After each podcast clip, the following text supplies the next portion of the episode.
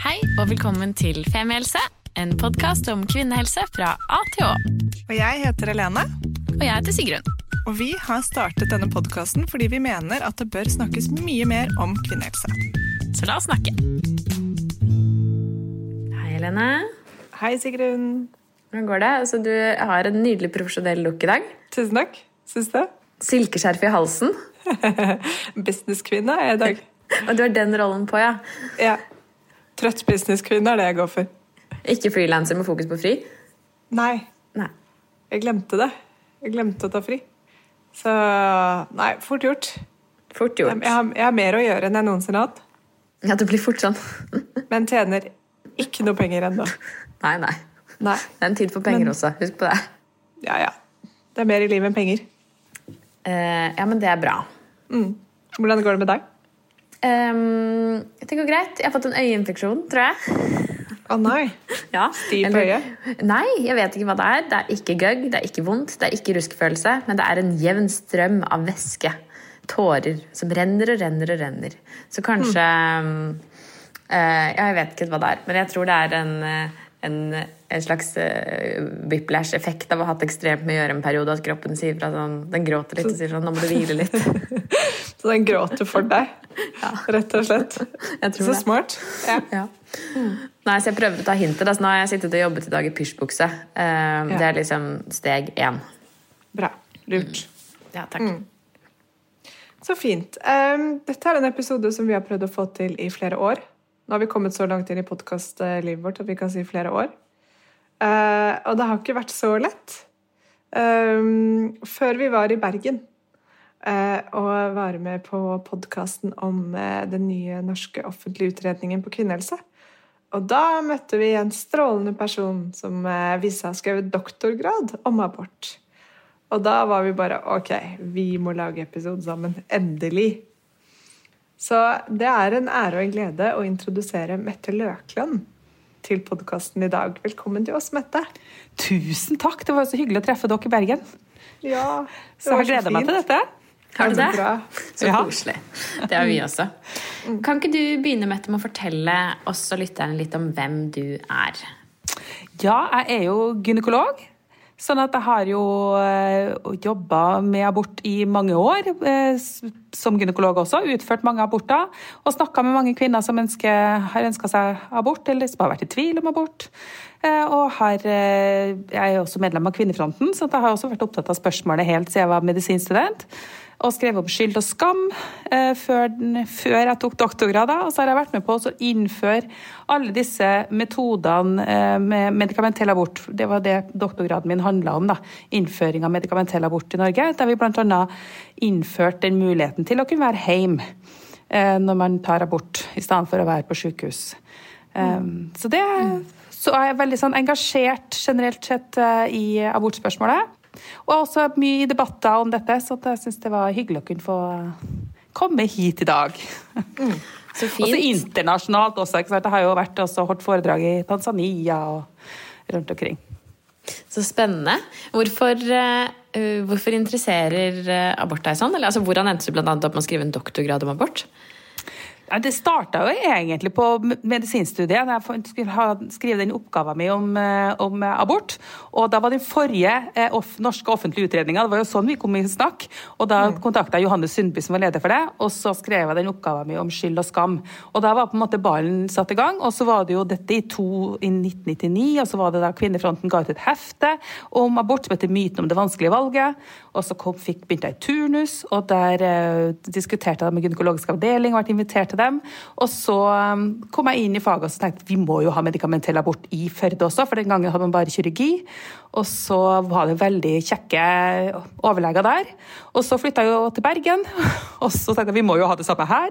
Og så der var det også Ole Erik Iversen, som har vært en, sånn eh, gynekolog som har også snakka for abortrettigheter for kvinner, pluss eh, min veileder Line Bjørge, som også sa at dette må vi lage en eh, doktorgrad ut av. Når vi skal innføre disse nye metodene i Bergen. Så sånn ble det. Som en slags aksjonisme også i buren, da. Mm. En masseaksjonisme høres ut som med engasjement fra mange kanter.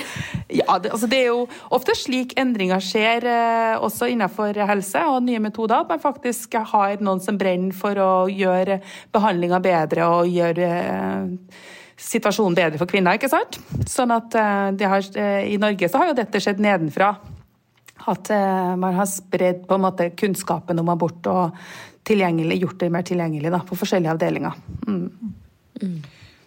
Abort er jo kanskje et av de mest eh, betente temaene i hele verden. Mm. Eh, hvor folk er virkelig splittet. Um, og så samtidig så er alle enige om at det er noe ingen ønsker å utføre. Men som er en Som har veldig store konsekvenser hvis man ikke får lov til å utføre det. Mm. Uh, og som er en sånn Ja, det er, det er, det er en sånn kjempe Og, så liksom føles det nå da som at man har gått så mange skritt framover, og så plutselig så begynner det å snevres inn igjen. Så det er sånn evigvarende kvinnehelsedebatt også. Det er ikke sånn 'Å ja, ok, nå var vi ferdig med det'. Det er på en måte ikke sånn øh, ja, altså jeg føler sånn Før, hvis man ikke fikk lov til å gå på skolen mens man hadde mensen, så skjønte man at man var helt teit på det, men, men abort er liksom det, det, går i loop. da, Det kommer tilbake igjen. At man skal snevre inn, innskrenke og det er så vondt og vanskelig og betent i, i store deler av verden. Så ja, vi kan vel si hele, hele verden, egentlig, den debatten, da. Um, mm. Ja, det er, jo, altså det er jo en, en, gammel debatt også. ikke sant? Mm. Den er jo, eldste skriftet er jo 5000 år om hvordan man kan utføre abort. Eh, og grekerne var jo ganske liberale. Eh, og så har, så var, så har det vært da middelalderen, ikke sant? så har det jo vært helt umulig. Og så har det kommet til vår tid, da, der det egentlig generelt sett heldigvis blir stadig enklere for flere å ta bort. Selv om vi nå hører om Polen og vi hører om USA, ikke sant? så er den heldigvis den generelle trenden at det er flere land som gir tilgang til mer liberal abort. Eh, mm. Vi har jo Argentina, vi har Colombia ikke sant? som de siste, Irland ikke så lenge siden. Vi har eh, eh, Island som har selvbestemt til 22 uker. Det har også etter hvert alle de statene i Australia fått eh, selvbestemt til 22 og 24 uker. Samme med New Zealand, nettopp utvida til selvbestemt til 20 uker. Sånn at det skjer mye i mange land da, som er positivt. Og så skjer det ikke det samme i USA og Polen. Så, og det at det er stadig vekk en debatt som vi må ta, som kan eh, avsette en regjering eller eh, Eh, alle, altså alle, presidenter i USA må være, ha et offentlig mening om. ikke sant? Det, mm. Så det er, det, mest, det er jo det mest politiske medisinske inngrepet som fins. Det er det. Mm. Ja, virkelig. Ja, og så er det liksom um så er det veldig forskjellig hvordan eh, kvinner også reagerer på det. Nå, jeg har aldri selv tatt en abort. Eh, jeg hadde sagt det hvis jeg hadde gjort det, men det har jeg ikke. Jeg har tatt angrepille noen ganger, som de fleste av dere som har hørt på denne episoden eh, eller denne podkasten har, men det er jo et helt, et helt annet opplegg. Um, men, øh, jeg, jeg, men jeg, har, jeg, kjenner jo ganske mange som har gjennomført aborter, og det er veldig forskjellig også hvordan folk reagerer på det, hvordan de snakker om det i etterkant, om det er noe man går og tenker på i årene som kommer eller ikke. Det, og det er så individuelt. Uh, og, og, det er litt av det vi skal snakke om nå, også den oppfølgingen man kan få uh, etter en abort. Da. Men, men, vi kan jo kanskje begynne litt med um, hvilke type aborter som det er mulig å gjennomføre i Norge. Ja, altså Det vanligste i Norge er jo å ta eh, pillen, med, altså medikamentell abort. Mm. Så er du først har én pille som måtte stoppe svangerskapet. Og så tar du etter 24-48 timer legger du fire piller i skjeden. Eh, som da får livmora til å trekke seg sammen og støte ut graviditeten. Det mm. gjøres i over 90% av tilfellene i Norge i dag. Um, og det er jo den mest skånforme forma for abort. Det er på en måte en slags uh, Sette i gang en spontanabort, på en måte. Uh, det er det man i, i praksis gjør. Uh, og det var jo noe som man, som han har hatt da siden 1998 i Norge. Og det var en veldig politisk kamp for å få til denne metoden i det hele tatt i Frankrike. Eh, der måtte faktisk regjeringa ut fordi at eh, firmaet ville stoppe pillen. Så sa regjeringa nei, dette er kvinnens, ikke bare medisinfirmaet sitt eh, eiendom, det er også kvinners eiendom. Sånn at det får dere ikke lov til. Så, så, så, kampen for å få medikamentell abort har jo vært veldig eh, omfattende, og det var den jo også i Norge. Det, vi har jo det har forsøkt stoppa på Stortinget flere ganger. Man kunne egentlig hatt det fra 89, men da var det KrF som da sa nei. Det, det de ville stoppe pillene, og så turte ikke firmaet å sette i gang med medikamentell abort i Norge. Så da måtte vi vente nesten ti år da, før vi fikk det. Og da har de også forsøkt det med å kunne være hjemme, f.eks. Har de også forsøkt å stoppe. Mm. Sånn at du kan, Når du er opptil ti uker, eller ni til ti uker, så kan du da eh, få lov til å være hjemme hos deg sjøl mens du tar disse pillene i skjeden og støter ut graviditeten. Og når vi innførte det, så var det plutselig veldig mange som helst ville det. Og, og eh, som slutta å ønske seg kirurgisk og heller ville ha medikamentell. Eh, så det har nok vært en frigjøring for de fleste å få det, men så er det jo ikke sånn at alle eh, metoder passer for alle. Så selv om 95 eh, eh, var superfornøyd med det og ville anbefale det til andre, så er det jo alltid noen som føler seg utrygg. Så de som føler seg utrygge, skal jo ha muligheten til å kunne være på sykehus eh, for å kunne få gjøre det der eh, under eh, hjelp fra sykepleiere. Mm. Og, og det er noe man kan velge selv? Det er noe hvert fall man bør velge sjøl. Så hører man jo historier nå at folk føler at de ikke har fått det valget. Eh, og da tenker jeg at det er en feil i helsevesenet, som ikke har eh, mulighet til å For det, i hvert fall når vi innførte meninga, var jo nettopp det at man skulle ha mulighet til å velge å være hjemme. Eller velge, velge å være hjemme, eller å velge å være på sykehus. Ikke sant. Mm. Så fram til uke 10-11 så har man valget da, om ja, frem, å være hjemme? Fram til 9-10. Mm. De fleste sykehus har nok ni i Norge i dag, men uh, i uh, vår veileder, uh, altså Norsk gynekologisk veileder, så har vi utvida til ti, for det ser man internasjonalt studier viser trygt. da.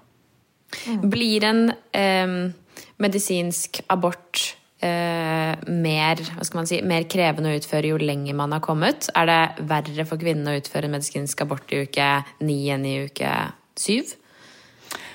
Jeg vet ikke om det ja, det er nok Jeg vet ikke om det er stor forskjell på uke fem og seks og sju og åtte, liksom, men fra ni og oppover så begynner det jo å bli uh, mer omfattende.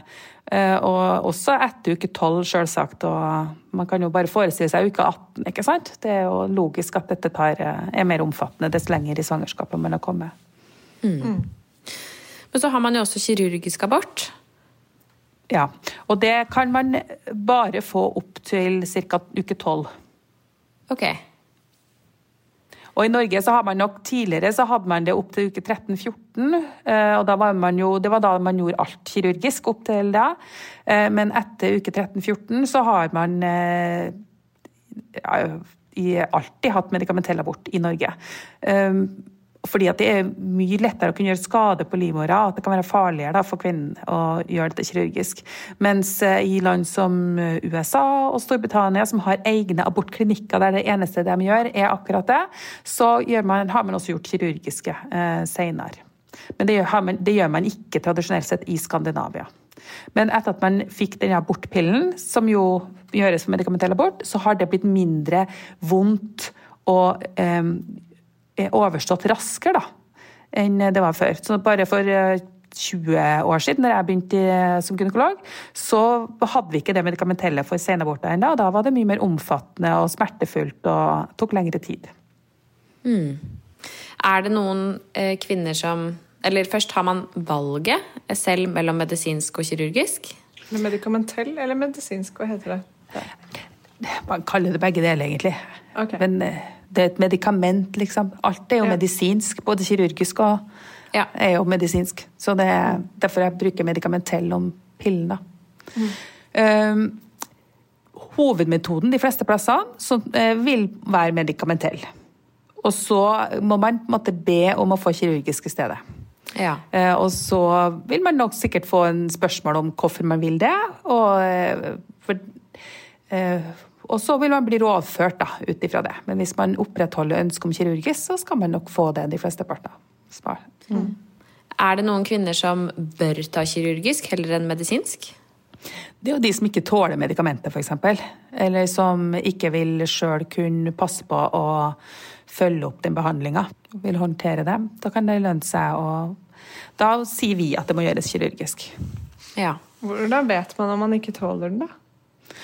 Ja, det kan jo være forskjellige sykdommer man har som gjør at man eh, ikke vil tåle de medikamentene. Eller så at man i hvert fall må være på sykehus sånn at vi kan observere og sånt.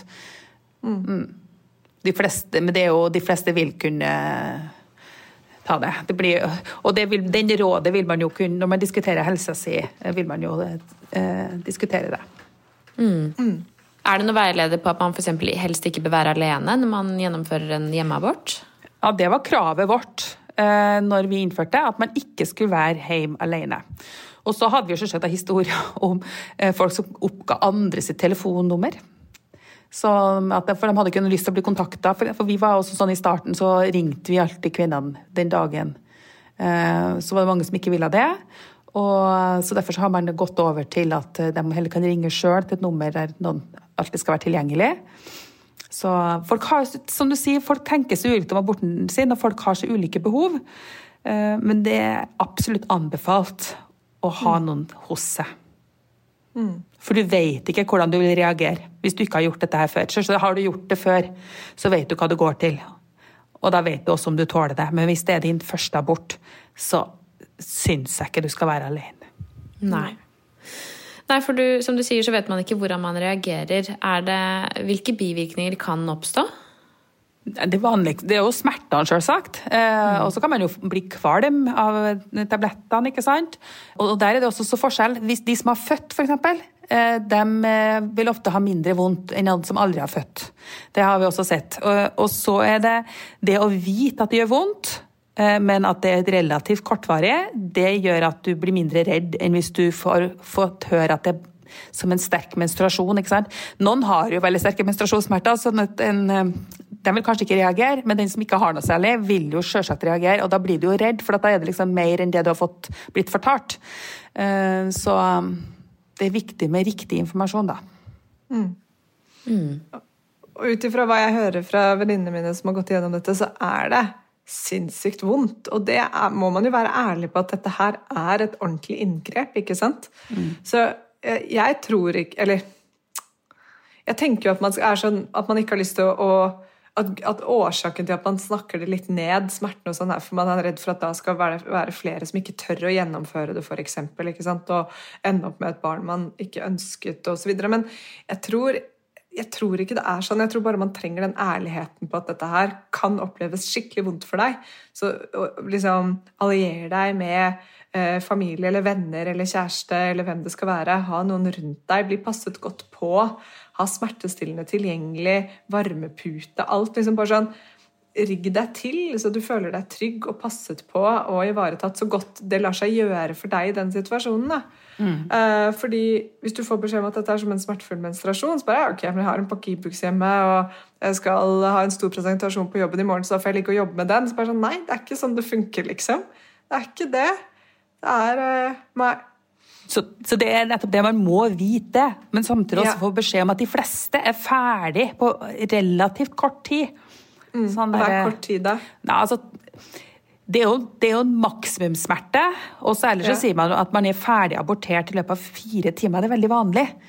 Og så er det noe som det tar litt lengre tid, for det setter i gang. ikke sant? Så det er ikke sånn at det er full pinne smerter i fire timer. Det er liksom en topp av smertene når ting blir støtt ut. Mm. Um, og så klinger det på en måte av. Mm. Ikke sant. Og, og, dette klarer de fleste. Og vi hadde jo også sånne, jeg husker sånne historier om folk som da de hadde besvimt. Men de var så fornøyd med at de kunne være hjemme istedenfor å være på sykehus. Og ja. av og til For oss var det ikke noe sammenheng mellom graden av opplevd smerte og fornøydhet. Nei, ikke sant? Fordi det, det, jeg ikke hadde tenkt på Nå er jeg født i 85, da. Uh, og at det da ble tillatt med dette her med medikamentell hjemmeabort uh, med å ta pille i 1998. Nei, det var da medikamentell abort ble eh, innført. Den første hjemmeaborten det var det faktisk vi i Førde, der jeg jobba ja. der. Og det var i 2002 eller 2003. Ikke sant. Og så på en måte for å si det sånn, sånn som jeg har vokst opp med abort ikke sant? Altså, for da, Jeg var jo russ i 2004, da. Og, og, og, da vokste jeg opp med at man Hjemmeabort, medikamentell, var liksom det vanligste etter hvert. Ganske, ganske fort så ble det veldig vanlig. Um, så, så, alle de negative historiene jeg har hørt om det, så har jo på en måte min, mitt sinne vært rettet mot at man ikke får lov til å være på sykehus og ikke får lov til å velge kirurgisk hvis man ønsker det. Men så hadde vi en samtale litt om eh, vi snakket om hvor mange som eh, føler seg lettet nettopp over å få lov til å være hjemme og få lov til å styre dette selv, slippe å være på sykehuset. Anonymiteten av å holde det hjemme hvis du bor på et lite sted istedenfor å være lagt inn på, på måte, abortavdelingen på sykehuset, som ofte er rett ved siden av fødeavdelingen, har jeg skjønt, så det kan også være ganske traumatiserende. Eh, så for meg var det en veldig sånn aha-opplevelse å ha den samtalen med deg. da, Mette, bare sånn Ok, det er derfor vi har, noen har kjempet for å få dette gjennom. Retten til privatliv, ikke sant. Mm, mm. Og det å slippe altså Vi hadde jo sånn eh, firesengsrom eller sekssengsrom der, ikke sant? der eh, på en dagkirurgisk post, der det, man jo skulle dele toalett også. Sånn at eh, Ja. Det, vi, folk kommer jo fra andre deler av landet når vi innførte medikamentell abort også. Altså, vi var jo Eh, Bergen var jo første sykehuset i landet. Og da kom jo folk reisende fra Nord-Norge for å få lov til å slippe å få kirurgi. Eller de, eh, altså vi så den enorme økningen i bruk av medikamentell abort da, etter at vi innførte hjemmeabort. og Det, det så vi på som en sånn word of mouth. liksom. At det, dette er, er, bra. Dette må være et tegn på at folk er fornøyd med å kunne få lov til å slippe å være på sykehus. Mm. Så og en sånn enpunktsbehandling også. Bare komme, ta med seg pillene, reise hjem, gjøre det ferdig der. Slippe å komme tilbake, for kontroll. For sånn var det også i starten. Først måtte du komme for å få ei pille, og så måtte du komme tilbake til to dager for å ligge i avdelinga, og så skulle du komme tilbake igjen for å ta en kontroll med ultralyd. Og man har jo redusert de antallet konsultasjonene gjort det mye enklere for folk, da. Til slutt så er det bare å ta en graviditetstest, ikke sant. Bare for å sjekke at du ikke er gravid lenger. Men har man noe tall nå på um, hvordan jeg skal formulere dette, men på en måte eh, antall uønskede aborter i Norge i dag som ikke blir gjort noe med? Eh, altså som fordi vet, de kvier seg for, en, for, å gjennomføre en abort, f.eks. Og så Det andelen som på en måte begjærer, men som til slutt ikke eh, gjennomfører, den har holdt seg stabil. Og det har vært helt uavhengig av medikamentell abort. Den er samme når det var bare kirurgisk også. Mm. Så det handler nok om andre ting. Um, ja. For vi er, jo, vi er jo ulike alle, og det er ulike historier bak hvorfor vi trenger å ta en abort. ikke sant? Uh, og da er det og da er det graden av ambivalens, altså sånn skal, skal ikke, eh, vil jo også være ulik. Så um, det handler vel mer om det. Mm. Mm. Opplever du at utviklingen av eh, aborter, hvordan de gjennomføres og medikamentene er i, er i, utvikling eller holder takt med tiden. Eller at man på en måte har nådd et platå i form av at nå har man noe som fungerer godt, og som, måte, ja, som gjennomføres eh, veldig mange steder, og at man derfor ikke har fortsatt utviklingen. Nei, altså Vi jobber jo hele tida med å forenkle, ikke sant? Og det siste som har skjedd, er jo eh, også med covid, eh, under covid, så har jo man jo begynt med sånn telemedisin. At, man, eh, altså sånn, at de kan bare ringe og ta en videokonsultasjon, og så få tilsendt tablettene. så Du slipper å møte opp fysisk også ikke sant, for behandler. Og Det kan jo være spesielt gunstig hvis du bor langt unna eller ikke må orke å fortelle noen hvorfor du er på sykehus eller må reise av gårde. Eller under covid, da, der folk ikke fikk lov til å reise. Mm. Og også i USA så er jo det men eh, FDA var jo veldig rask med å Når eh, denne lova kom i eh, Texas, var det vel, så var det FDA godkjent medikamentet. Nå er det ikke lenger restriksjoner på det, nå kan vi sende det i posten. Ja. Og, men den norske lova eh, er nå en begrensning på det. Eh, fordi ifølge norsk lov så må abort skje på sykehus eller en annen plass eh, statsforvalteren eller fylkeslegen har bestemt. Og Det er egentlig veldig sånn omfattende å klare å få til det utenfor sykehus. Eh, det så vi når vi gjennomførte prosjektet med at avtalespesialister kunne utføre abort at det var litt vanskelig å få til, så derfor så vil det stort sett være på sykehus i dag. Så vi kan ikke i Norge i dag sende tablettene. Du må ta den første tabletten på sykehus under påsyn av helsepersonell. Det er for å ja, følge lova, da. Men dette vil, det, og Samme er det i, i, Sverige, men der prøver de nå å endre lova, sånn at de kan på en måte slippe abortpillen fri utenfor sykehus. Og det samme men, Jeg har sett i Tyskland og Finland prøver også å endre lova si for det. da. Men under covid så kunne du få den tilsendt hjem? Ikke i Norge, men uh, i Storbritannia så var det veldig veldig vanlig. Så at man har sett hvor trygt og Det er masse studier på dette, så det er trygt og godt, og uh, folk ønsker det. Og det er også man, man kan omgå da, strenge lover i USA, f.eks. Ja. Men kan grunnen til det da være at man ønsker å være sikker på at den som gjennomfører aborten, ønsker å gjøre det? At det ikke er noe Nei, den gamle lova handler jo om at det skal være trygt for kvinner. Den tror jeg var der for å sikre at ikke kvakksalvere på en måte skulle drive oss utføre abort utenfor sykehus, kanskje. Um, at man skulle sikre at det var kompetente leger, ikke sant. Og godt utstyr, osv. Så, videre.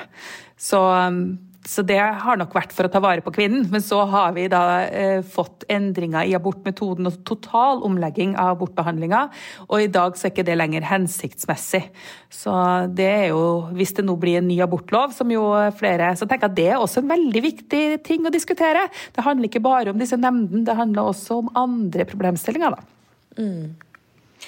Og Det er jo ganske fantastisk det du forteller om eh, at FDA har åpnet opp sånn at hvis eh, man har en venninne i Texas som skal gjennomføre en abort, så er det mulig for henne å få tak i pillene likevel og gjennomføre det hjemme hos seg selv. Det er jo frihet. Det er nettopp det. Og så prøves selvsagt disse statene å eh, og måtte innskjerpe dette regelverket, og du kan plutselig få det samme som du hadde i El Salvador. ikke sant? At folk sitter fengsla for å ha tatt spontanaborter fordi at du blir beskyldt for å ha tatt en provosert abort. Mm. Manslaughter. Jeg så nettopp en sånn eh, film eh, fra El Salvador om eh, alle disse kvinnene. Det er jo helt mm. eh, vanvittig. Mm. mm. Ja, det oppleves heldigvis på en måte veldig fjernt, men mm. eh, ja. Så er det jo noen da som opplever veldig alvorlige bivirkninger med kraftige blødninger og sånn etter. Eh, vi har fått noen historier i innboks også på det, som har opplevd å blø mye, måttet bli hentet av ambulanse og sånne ting. Hva kan være årsaken til det? Hva er det man skal være obs på hvis man gjennomgår en abort hjemme? Når er det du skal ringe og si at nå er det for mye? Eller altså, hva er det man skal passe på? Altså, generelle rådet vi har sagt var jo sånn hvis du fyller mer enn fire bind i timen i fire timer altså En ting at du har et sånt punktum maksimum ikke sant, når, du, eh, når aborten blir, skjer, men hvis det bare ikke mm. slutter å blø, så må du jo komme inn. Mm. Og, men så er det også at disse blødningene kan jo også i, altså, Jeg hadde jo en, den studien på heimeaborter, så var det jo 1018 eh, kvinner eller noe sånt. Og da var det bare én eller to som kom inn under selve aborten pga. kraftig ja. blødning. Altså Det var veldig sjelden, men vi gjorde av og til en eh, Det var oftere at man må ta hjelp fordi pga. blødninga eller fordi det varte lenge. Um, sånn type tre og fire uker etter abort. Men det er ikke mange som trenger det. Altså det er snakk om eh, 95-97% er jo helt ferdig behandla, trenger ikke en ekstra kontakt med helsevesenet i det hele tatt. Ikke sant? Så det er veldig få det er snakk om. Men da må man jo be om hjelp. Det samme gjelder jo spontanaborter, egentlig. Men hvis du opplever eh, nå tenker jeg da, altså både så eh, langvarige og sterke blødninger at, at, det oppleves som skummelt, eh, og det samme egentlig altså hvis man har så vondt at man svimer av og ikke, ikke klarer å, å, stå i det, da bør man kanskje kontakte sykehuset? Det bør man. Ja, mm. Og heller litt føre var? Heller litt føre var. Mm. Ja. Be om hjelp og stå på krava.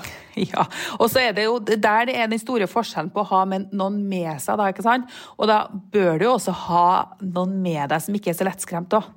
Mm. Mm. Sånn at, at, ikke den som blir mer skremt enn deg, på en måte, for at du står i det og kjenner jo kroppen din på en helt annen måte. Eh, sånn at eh, Greit å ha med seg en eh, litt robust og erfaren person. Mm. Og Vi har jo også fått inn eh, noen spørsmål her fra lytterne i tillegg til det som har kommet på innboks, om, om, det minsker sjansene for å bli gravid igjen senere. Det tror jeg nok eh, Det spørsmålet har vi hørt før. Ja. ja det er det gjort mange studier på. Det er det ingenting som viser. Heller ikke etter kirurgiske aborter. Det er selvsagt, eh, Hvis man etter hvert har hatt veldig mange kirurgiske aborter, og det er utført av folk som ikke er så kompetent, så kan man kanskje skade livmorveggen. Men Generelt sett, nei, ikke tenk på det. Hvis det er sånn at du senere i livet har problemer med å bli gravid, ja, så handler det nok om andre ting enn at du tok en abort for fem år siden. Det handler om at du har blitt eldre, eller andre grunner. ikke sant? Det kan handle om eh, klamydia, det kan handle om endringer i livet. Det kan handle om partner. Det handler ikke om at du tok en abort. Kan man oppleve andre senskader? Nå er jo ikke dette en senskade, da, men andre ting senere som følge av at man har tatt en eller flere aborter? Nei, egentlig ikke pga. aborten per, per se, liksom. Det er, det er selvsagt mange som har vært opptatt av det med psykisk helse etter abort. Og det, det er jo heller ingen studier som viser at man har noe økt risiko for å få psykiske plager fordi man har tatt en abort. Men man ser derimot at det er flere blant dem som tar abort, som har, har hatt psykiske plager. Eh, og det kan jo være en av grunnene til at hvorfor de også tenker at det er bedre for dem å ta abort enn å få et barn. Det vet jeg ikke. Men, eller for at de lettere kommer i en situasjon at de trenger en abort.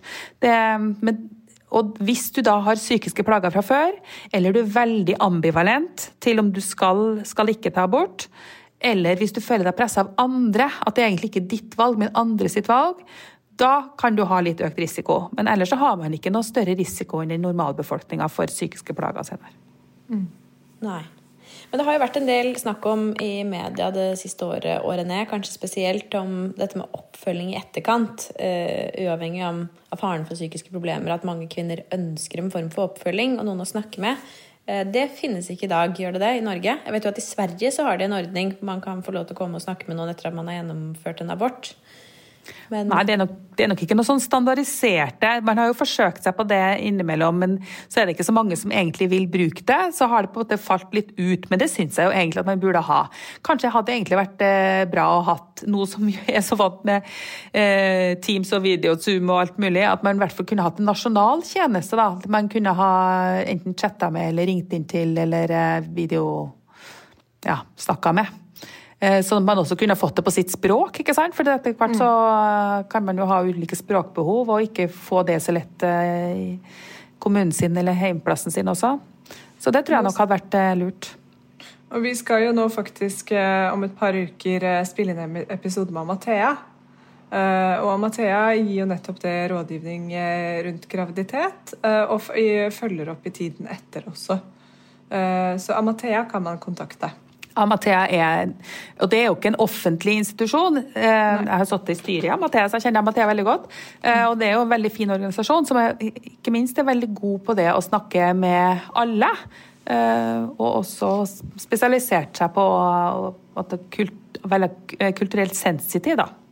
Mm. For at, vi er ulike mm, og har ulike behov.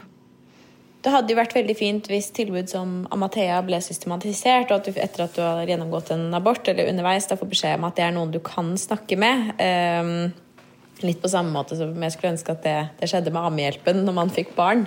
At uh, det var tilbud som så fikk uh, den støtten de trengte for å nettopp kunne systematisere det tilbudet. Sånn at i hvert fall de som hadde behov for det, da, kunne bruke det. Det er nettopp det. Altså, for det er, de offentlige sykehusene har jo så Eh, sprengt kapasitet, på en måte, eller har så mange. sånn at det å sette opp rutinemessig en time til deg For du vet jo ikke når du egentlig har behov for det heller. ikke sant? Det kan komme etter ei uke, eller det kan komme etter et år. Eh, eller kanskje tre år, eller når du da ti år og prøver å bli gravid og begynner å tenke på det, ikke sant? som eh, var sagt tidligere her. Sånn at da hadde det vært bedre å ha en sånn tjeneste som bare er tilgjengelig, som for så vidt også Amathea er da. Og Av og til er det jo andre spørsmål i livet ditt du egentlig har behov som er knytta opp til fertiliteten din også. Um, og vet du at Amathea har jo også hatt tjeneste for de som ønsker å, um, å bli gravid alene, f.eks. Uh, og som lurer på om de vil tolerere, to, ja, takle det bra, eller skal jeg gjøre det. Så det å ha noen også, rådgivningstjenester er nok et økende behov for også i samfunnet. Eh, ser jeg at eh, yngre generasjoner har mer behov for nettopp den samtale eh, og det av åpenhet og Når det ja, jeg, altså For 20-25 år siden da jeg begynte å, så var det jo ingen som var åpen i media om at de hadde tatt abort. Jeg husker Vi hadde ei kvinnefront som stilte opp hver gang, for det var ingen andre som på en måte var villig. Og nå er det jo stadig vekk noen som må fortelle om aborten sin, så det har jo endra seg betraktelig. Og det er jo kjempeflott. At vi har fått den åpenheten eh, om det. At mange vil dele. Mm.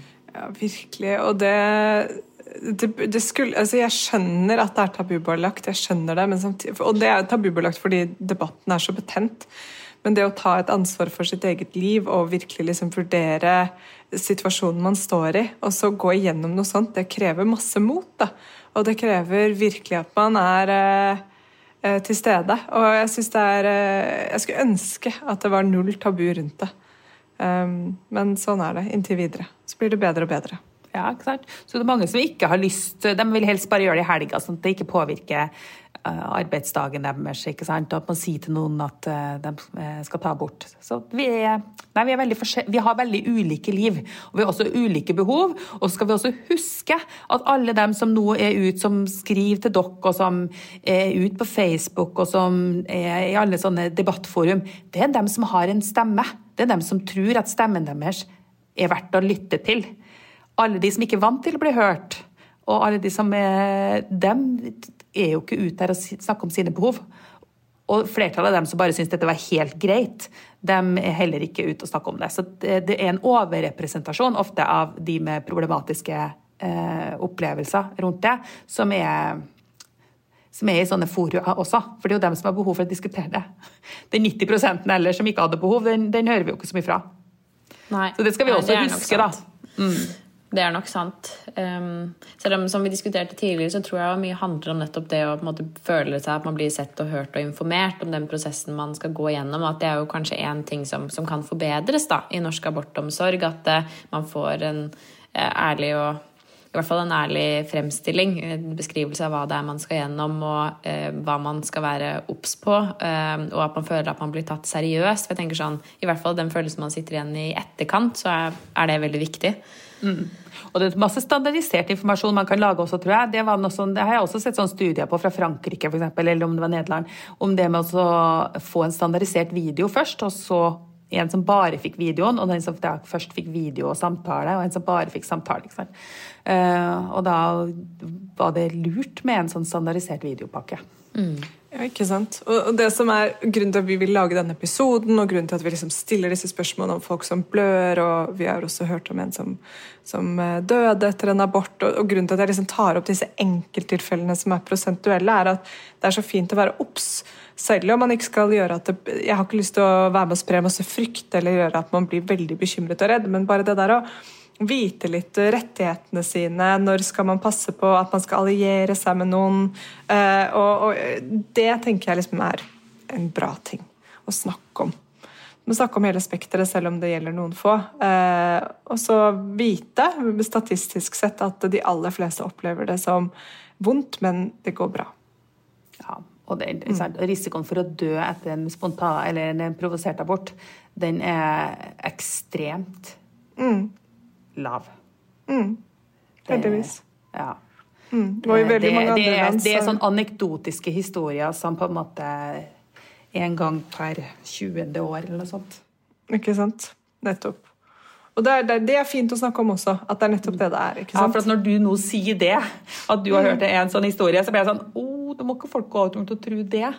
det Nei, er... Da kan du som ekspert si at det skjer hvert 20. år, ikke sant? Ja, eller, eller sjeldnere enn det også. Sånn at det, og da er det kanskje masse andre ting rundt en sånn historie uh, mm. som er, var komplisert, da. Mm. Men de historiene kommer ut der på en eller annen måte uansett. ikke sant? Og Det er derfor det er viktig at vi snakker om det, og det er derfor vi får fakta på bordet, snakker om statistikken. Så Det er det som, det er min opplevelse, er at hvis som vi innledningsvis også snakket om, at hvis man eh, bare sier at det er litt sterke mensensmerter, så blir sjokket stort. ikke sant? Og Hvis man sier at det er ingen bivirkninger, så vil noen si ja, men jeg hørte om en som døde. Da er det viktig at vi vet ja, men det var en som døde av det, men det, er, det skjer nesten aldri. Og det er mest sannsynlig veldig mye annet rundt som var med å påvirke det også. Så det er min, liksom, min tanke rundt det. Mm. I motsetning til risikoen for å dø av en eh, en illegal abort, ikke sant? Som, er som er enorm, ikke sant? og som er helt grusom. Og som er, eh, eller rett og slett et svangerskap som man ikke har ønsket i veldig mange andre land, er jo også en stor eh, risiko. Så, ja, ja, ja. Mm. Det er jo mm. ja. Mm. Heldigvis er jeg også risikoen for å dø i forbindelse med et svangerskap lav i Norge. Ja, heldigvis. Mm. mm. Så bra. Er det noe vi har glemt da, Mette, eller noe du vil legge til? Så vanskelig. Man kunne snakka om abort bort i mange sammenhenger og lenge. Mm. og det er Det er Har du en, eh, sånn, en drøm for, eh, for fremtidens eh, abortomsorg? Er det noen ting du, du håper at skjer, eller ønsker deg? Ja, altså, jeg ønsker meg jo en ny lov. Eh, Jeg ønsker jo én en ting at man skal gjøre det mulig å kunne ta abort utenfor sykehus opp til eh, 9-10 uker. Og at man skal kunne sende tabletter. At det skal kunne skje på, hos jordmor eller eh, helsesøster eller fastlegen din. eller noe sånt, At du ikke må inn til en gynekologisk avdeling. Men alle kirurgiske må jo skje eh, og gjøres på sykehus av eh, gynekologer. Mm. og så ønsker jeg jo at man selvbestemt abort eh, til 22 uker. Eh, for jeg, skjønner, jeg kjenner jo denne statistikken godt, i og med at jeg lager den hvert år. Eh, og også kjenner statistikken fra andre land. Jeg vet at det er ikke noen sammenheng mellom abortlover og hvor mange som tar senabort. Folk tar ikke senabort uten at det er en veldig veldig god grunn til det. Og eh, 95 tar jo abort før uke 12 i Norge. Um, over 80% tar for uke 9. Altså når kvinner har fått sjansen til det, så tar de jo bort så tidlig som mulig. Sånn at det, vi må på en måte en sånn mistillit da, på en måte til, eh, til våre medsøstre på en måte, og til oss sjøl, og, og tro at andre har en annen moralsk syn på, for, på å ta bort enn en oss sjøl. Det at det er ikke nødvendig på en måte å kontrollere det der. Det kan være lurt å ha en øvre grense fordi at det medisinsk sett er mye mer komplisert. At det, at det kanskje er, Hvis du ikke har skjønt eller ikke har tenkt på å ta bort, på å ta bort før du er 22 uker, så er det kanskje andre veldig problematiske ting i livet ditt rundt situasjonen din som bør, eh, du bør få støtte eller diskutere litt grundigere. da. Men du har jo også sånn som i Australia, så har de ikke satt en absolutt øvre grense. ikke sant? Fordi at i tilfelle voldtekt, og det samme i Argentina altså Hvis det er voldtekt, eller, så kan man ta abort også seinere. Og vi ser jo f.eks. kvinner på, på flukt som kommer for seint til oss, eh, og som da har passert disse 22 ukene og har blitt voldtatt på veien. ikke sant? Og, og så har det tatt for lang tid i Norge også før noen fanga opp at de var uønska gravid. Sånn at det er også sånn delay i systemet. Det synes jeg det er jo forferdelig eh, tøft for dem, men også for oss å se. Og ikke kunne hjelpe dem, på en måte. Og så er det jo ikke sånn at gitt at du, hvis du blir eh, voldtatt, så ønsker du en abort. Det er jo heller ikke gitt. Man har også respekt for at folk eh, velger å fullføre svangerskapene sine også. Og det er også sånn der, det er også sånn, tenker jeg også viktig, jeg husker at jeg synes at den internasjonale, altså pro-choice, det er jo retten til å få lov til å velge sjøl, det det handler om. Det handler ikke om retten til å ta abort, det handler også om retten til å få barn. Det tenker jeg også at vi skal huske. Absolutt. Og så eh, Jeg tenker også sånn, En ting er jo uønsket eh, svangerskap, men det er jo også ønskede svangerskap når man finner ut sent at barnet er alvorlig sykt, f.eks. Og det er jo når eh, ordinær ultralyd er i uke 18, og for min del var det i uke 20, fordi de hadde ikke kapasitet før da. Eh, og så får man kanskje vite man, Hvis det da er noe alvorlig galt, og man finner ut at dette barnet er egentlig ikke le levedyktig, eller jeg har ikke ressursene til å ta vare på det, så eh, ja, så har man jo plutselig veldig dårlig tid på seg da, til å ta en avgjørelse. Ja, altså Hvis det er mangel på levedyktighet, så er jo lova sier jo levedyktighet. Og da er jo, kan Ja. man jo gå forbi uke 22 også. Ja, Um, Det var litt feil formulert fra min side, da. Men eh, ja.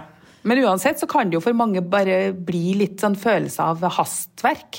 Og det tenker jeg av og til med de veldig strenge eh, kravene 18 uker, 22 uker, nemnd, at noen føler at de får også sånn tidspress på seg. da. Og det er ikke godt. Man skal ikke ta abort under tidspress, på en måte. Det, man skal ha sjansen til å tenke seg godt om, om det er det man eh, vil, hvis man har behov for det. Um, ja, så Pluss at nå får man jo tunnelultralyd tidligere også, så vil man jo oppdage de tingene eh, tidligere. Så altså er det jo det med at eh, du sier uønska svangerskap. Men det er jo bare En ting er uønska, en annen ting er uplanlagte. Jeg syns det har blitt for mye fokus i vårt eh, samfunn om at ting skal være planlagt. Hvis det ikke er planlagt, så er det ikke riktig.